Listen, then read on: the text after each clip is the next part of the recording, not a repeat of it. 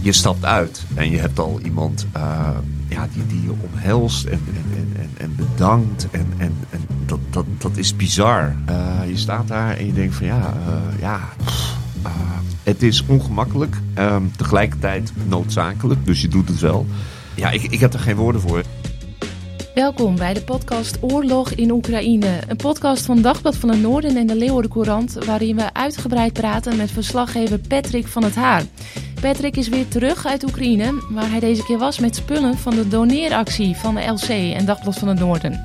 Mijn naam is Martine van der Stegen. Ik ben chef nieuws bij de Leeuwarden Courant. En uh, hier bij me zit Patrick. Hartelijk welkom. Hoi. Begin januari ging je die kant op. Uh, Twee weken later ongeveer kwam je terug. Ja. Wat voor reis was dit precies? Uh, een, een een pittige reis. Uh, de vorige keren was ik naar Kiev, Irpin en, en Chernihiv geweest in het noorden. Um, en dit keer um, ben ik zuidwaarts gegaan met een groep Oekraïense vrijwilligers. Uh, hebben we een humanitair transport verzorgd uh, richting Novo Alexandrivka. Dat is een dorpje vlakbij de rivier de Dnieper, aan de bevrijde kant van Gerson. Ja, en, en dat, dat uh, ja, ik weet niet eens hoe ik het moet omschrijven. Uh, het is niet eens dat de hele boel daar kapot is gemaakt of kapot is gebombardeerd.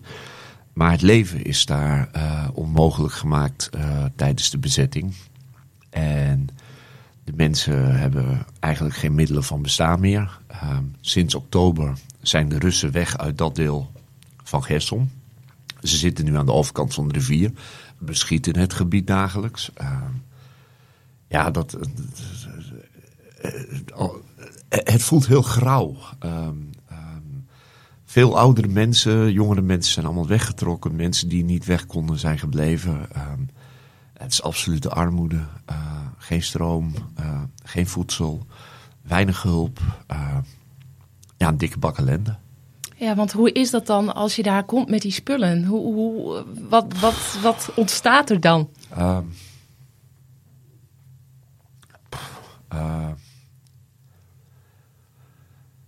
Je, je, um, je krijgt uh, huilende mensen in armen. En uh, mensen zijn heel blij met, met, nou ja, met voedsel, met kleding, met alles wat je kon brengen. En we hadden twee bussen vol, dus we hadden ook best wel wat te brengen. maar je stapt uit en je hebt al iemand uh, ja, die, die je omhelst en, en, en, en bedankt. En, en, en dat, dat, dat is bizar. Um, het, het, voelt ook niet prettig. Um, uh, want, um, ik kan me voorstellen, de, de dankbaarheid voelt misschien ongemakkelijk. Het voelt ongemakkelijk. Ja. Uh, je staat daar en je denkt van ja, ja, ja. Pff, ja, ik, ik heb er geen woorden voor. Het, het is ongemakkelijk, tegelijkertijd noodzakelijk, dus je doet het wel. En um, ik was met Oekraïners en nou ja, mijn Oekraïens is gewoon uh, niet zo goed. En het Engels uh, van de Oekraïners waar we waren was ook nul. Dus er is ook bijna geen communicatie mogelijk. Het is, het is meteen alleen maar fysiek. En um, ja, dat er dan. Uh, ik, ik had zelfs zoiets van tevoren ook met, met de groep Oekraïners doorgesproken van joh, laat me even op de achtergrond en ga nou niet zeggen dat ik uit Nederland kom of hè, dat, maar ja. Uh, dat ontstaat. Uh, ja, uh, maar zij hadden ook zoiets van: nee, dat gaan we dus wel zeggen. Want juist dat is ook belangrijk. Dat ze zien dat mensen uit andere landen zich ook om hen bekommeren. Ja, dat niet alleen de materiële, maar dat ook die geestelijke juist. steun er is. En, en ja, oké. Okay, oké. ik ga dan, ja, dan accepteer je dat. Maar het is bizar. Het is gewoon bizar. En, en, en wat vooral bizar is, is dat deze mensen uh, drie maanden nadat de Russen vertrokken zijn, ja, ze kunnen zich eigenlijk niet meer zelf bedruipen. De landbouwmachines zijn meegenomen. Het is een agrarische omgeving. Uh, ze kunnen eigenlijk geen kant meer op. Mensen zijn hun baan kwijt. Uh, er is geen winkel.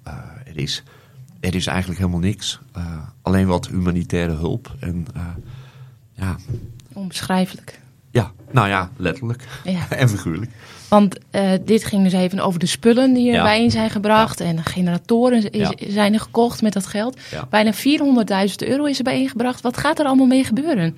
Oh, de, uh, nou, we, uh, we, hebben een ambulance gekocht en die rijdt rond in de omgeving van. Uh, we zijn bezig met grote generatoren. Dat doen we samen met een technicus die er wel verstand van heeft. Want echt de wereld van generatoren.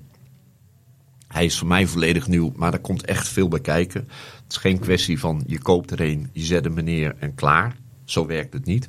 Het moet passen bij, bij, bij de functie en, en vermogen en nou ja, veel gedoe. Um, maar dat gaat ook heel goed. Um, ik denk dat we er nu vijf of zes uh, die kant op hebben.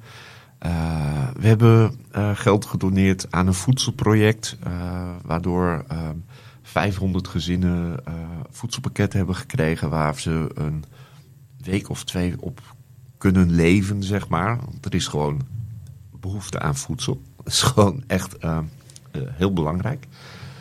We hebben brandstof betaald om, om die negen containers in Oekraïne te krijgen. We hebben groepen financieel ondersteund die dagelijks of, of wekelijks transporten regelen en ook plekken komen waar, waar je anders niet komt. Ja, het is een hele opzomming. Nou, ik denk dat we zo wel een beeld ja, krijgen van wat er allemaal gebeurt. Het, echt, het is ook voedselpakketten daar ter plekke uitgedeeld met, met, met mensen. En over iedere besteding wordt heel erg goed nagedacht. En um, nou ja, uh, ja we, gaan er heel voorzichtig mee om. We willen zo snel mogelijk het geld uitgeven. Maar uh, zo snel mogelijk is niet altijd zo goed mogelijk. Wel secuur. Dus het, het, moet secuur. Ja. Het is geld van de lezers. Um, wij hebben die verantwoordelijkheid. Ja, uh, dat betekent dat we soms ook wel eens een keer nee zeggen. Omdat we twijfels hebben. Of omdat we niet een bepaalde zekerheid hebben. Ja, gaat dat. Zo gaat dat. Ja, dat is, is een nieuwe les, zeg maar, een nieuwe ervaring. En uh, we hebben het afgelopen jaar hebben we het heel vaak over die winter gehad, die gevreesde winter. Ja. Die is er nu. Hoe ja. gaat het uh, ter plekke in Oekraïne? Hoe gaan mensen om met deze winter? Uh, nou, uh, deze winter is ehm, sinds de meting, temperatuurmeting, de zachtste winter die Oekraïne um, ooit heeft gehad. Nou ja, ik, ik, ik, sprak wel mensen die daar inderdaad zoiets bij hadden van dat, dat, dat dat toch een soort religieus teken is dat er nu een zachte winter is. Ehm, maar dat geldt met name dan voor de omgeving van Kiev. Ik zat daar en het was hier kouder op een gegeven moment dan uh, toen ik er was. Uh, maar in Gerson, toen ik daar was, was het min 10. En, en Oekraïne is een groot land. Hè. Ik bedoel, het is uh, Kiev, temperatuur prima. Maar Kharkiv, het oosten, daar vriest het gewoon. En daar is het gewoon koud. En ja, wij hebben hier niet kapotte koud. huizen. En daar wel. Um, ja, wij, ja. hebben, wij hebben AA plus uh, isolatieglas en uh, daar hebben heel veel mensen Unicef plastic voor de ramen hangen. En, en in Kiev vroor het op een gegeven moment ook wel. En als de stroom dan uitviel, nou dan werd het echt wel koud. Koud, koud. Hè? En ook geen warm water om te douchen. Nou, gewoon koud. Ehm, wat je wel ziet, is dat er regelmatig ehm, ongelukken zijn omdat mensen generatoren binnenzetten. Um, dat ze aan het improviseren zijn, waardoor er uh, koolmonoxidevergiftiging optreedt. Je ziet uh, dat mensen proberen om te gaan met de omstandigheden, maar dat dat ook af en toe weer gevaarlijk is. Neveneffecten ja. geeft, ja. ja. ja. En je bent er natuurlijk nu een aantal keer geweest. Um, elke keer zijn er ontmoetingen die je raken. Hoe was dat deze keer? Wat zijn de meest indrukwekkende gesprekken, ontmoetingen? Misschien niet eens gesprekken, maar het aankijken van iemand. Wat, wat blijf je bij? Um nou, dat was op mijn, uh, in mijn laatste weekend. Uh, dus, uh, het was op een zaterdag. En dat is daar dan een soort nieuwjaarsdag was het. En hadden we besloten dat we voedselpakketten zouden samenstellen voor mensen die het echt nodig hadden. Oudere mensen. Dus dat hebben Oleg Dima en ik naar de supermarkt naar dozen sa samenstellen. En, en we komen bij een man terecht.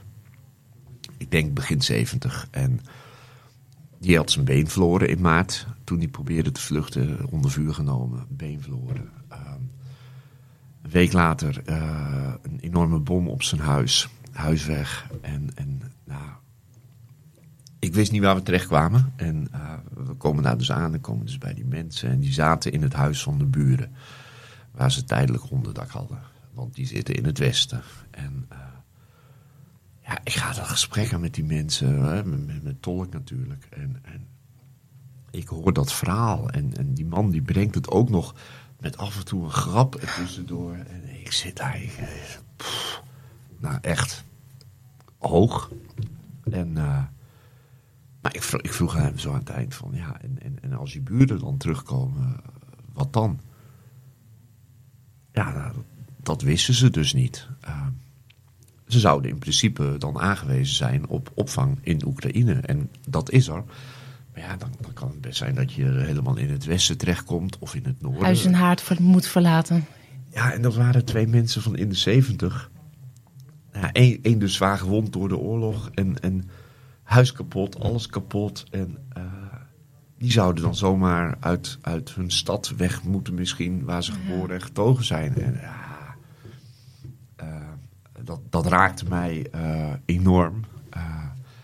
en nou ja, omdat we budget hebben, nou ja, en ik ken daar wel wat mensen en et cetera, hebben we dus binnen twee dagen voor elkaar gekregen dat er een tiny house voor ze wordt gebouwd op een eigen terrein naast hun huis. Het terrein is al helemaal bouwklaar gemaakt. Dat hebben weer vrijwilligers uit van de kerk uit Leeuwarden gedaan. en als alles goed gaat, dan hebben zij over een anderhalve maand uh, een huisje. Het is niet hun eigen huis, maar het is wel op een eigen terrein. Met in, de plek die ze kennen. De plek die ze kennen in hun eigen wijk. Ja. Met, ja, nou ja, zo tastbaar is die hulp. Ik zie dat het je nog steeds zo, zo ja, raakt. Nee, Bijzonder. Dat, ja, dat... Uh, ja. En gaan jullie ook nog wat aan zijn medische situatie doen? ja, kijken of dat kan. we hebben al contact gehad met orthopediebedrijven hier in Nederland. Maar dat is allemaal moeilijk en regels. En, en, en nou, dat, dat is een doodlopende weg. Uh, en nou ja, uh, vrienden in Oekraïne gaan wel kijken van uh, hoe kunnen we dit regelen. Ehm, het kan ook geregeld worden hoor, in Oekraïne. Maar de vraag naar protheses is daar helaas heel erg hoog. Ehm, en uh, ik denk dat uh, iemand van in de 70 er minder snel voor in aanmerking komt dan iemand die aan het front gewond ja. geraakt is. En uh, ja, bureaucratie en moeilijk, moeilijk, moeilijk. Dus um, ja, ja, in principe zou het natuurlijk heel mooi zijn dat hij ook um, een prothese krijgt. Um, ja, maar ja, we gaan het meemaken. Mooi die zin die je zegt, kijken of het kan. Volgens mij heb je dat echt honderd keer gezegd het afgelopen jaar. Ja, maar dat is wat, uh, dat is wat dit. Uh, uh, ook door de actie, maar ook daarvoor al. je komt daar, je wordt geraakt. En um, wij hebben gewoon mogelijkheden hier om, om te helpen. En um, er zijn heel veel verschillende mensen en groepen die daar actief mee bezig zijn. En dat is wel heel mooi om te zien. En ja, nou ja. En dan kan er ook veel. Uh, bijna 400.000 ja, euro en negen containers met goederen. Ik bedoel, dat is echt heel veel. En even die realiteit van die oorlog. Want um, jij was, terwijl je daar was, zette je zo nu dan wat op Facebook. Ja. En ik las op 14 januari, toen was jij in Irpin. Toen waren er zware explosies ja, in Kiev en in die regio. En dat was goed hoorbaar waar jij zat. Hoe is dat dan? Uh, ervaar je op zo'n moment ook angst? Nee, kan dat? Ja, dat vraag ik mezelf ook wel af. Um, ik weet het niet. Um, uh, ook toen we in, in Gerson waren, toen begon de uh, artillerie te donderen vanaf de overkant. ik dacht eerst dat het een Lada met startproblemen was. Ik bedoel, nee, maar niemand reageerde. En um, behalve dan de groep mensen met wie ik was. En die hadden zoiets van: we moeten weg, want we weten niet waar het terecht komt. En zij waren compleet rustig. Dus, um, ja, dat helpt ook mee. Ja, wat, zijn wat zal ik dan niet ja. gaan lopen zaaien? Ja. Ik bedoel, um, het schieten vanaf uh, nou ja, vijf of tien kilometer is één ding. Uh, het kan terechtkomen in een gebied van 200 kilometer breed en, en 100 kilometer diep. Uh, statistisch gezien moet je wel heel. Het klinkt heel lullig, maar zo ga je wel denken. En ook, Anders kun je daar ook niet zijn. Nee, ja, ik, ik, ik, ik weet het niet. Het is gewoon, um, je bent in een land in oorlog. En um, oorlog betekent dat er dingen kunnen gebeuren. Um, maar ja, nou, dat is zo. Ja. ja. Meer Mooi, kan kunnen we niet maken. Nee. nee. En, en tijd geleden zeiden mensen in Oekraïne nog tegen jou van die, die hulp hè, van officiële ja. instanties. Die lijkt pas op gang te komen wanneer de oorlog echt is gestopt in Oekraïne. Het lijkt alsof ze daarmee wachten hè, met ja. de herstellen ja. uh, werkzaamheden. Ja, ja. was een burgemeester van Irpin deze ja. Ja. Is dat nog steeds zo of begint het nu toch een beetje... Uh, je ziet dat mensen zelf proberen zo goed en kwaad als het kan de boel te repareren, op te ruimen. ik heb me de, daar deze keer niet heel erg mee bezig gehouden. Ik was gewoon echt super druk met, met, met, met allerlei afspraken en dingen regelen en spullen kopen en wegbrengen. En... Maar ik heb nog steeds ehm, niet uh, grootschalige acties gezien van, um, van grote hulporganisaties.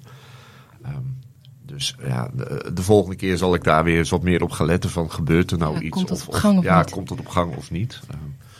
En hoe is het voor jou om terug te gaan na zo'n reis? Um, nou, het is een hele lange reis. Uh, het is van deur tot deur 36 uur. Dus um, naarmate je verder van Oekraïne afrijdt uh, en dichter bij huis komt, uh, veranderen je je gedachten.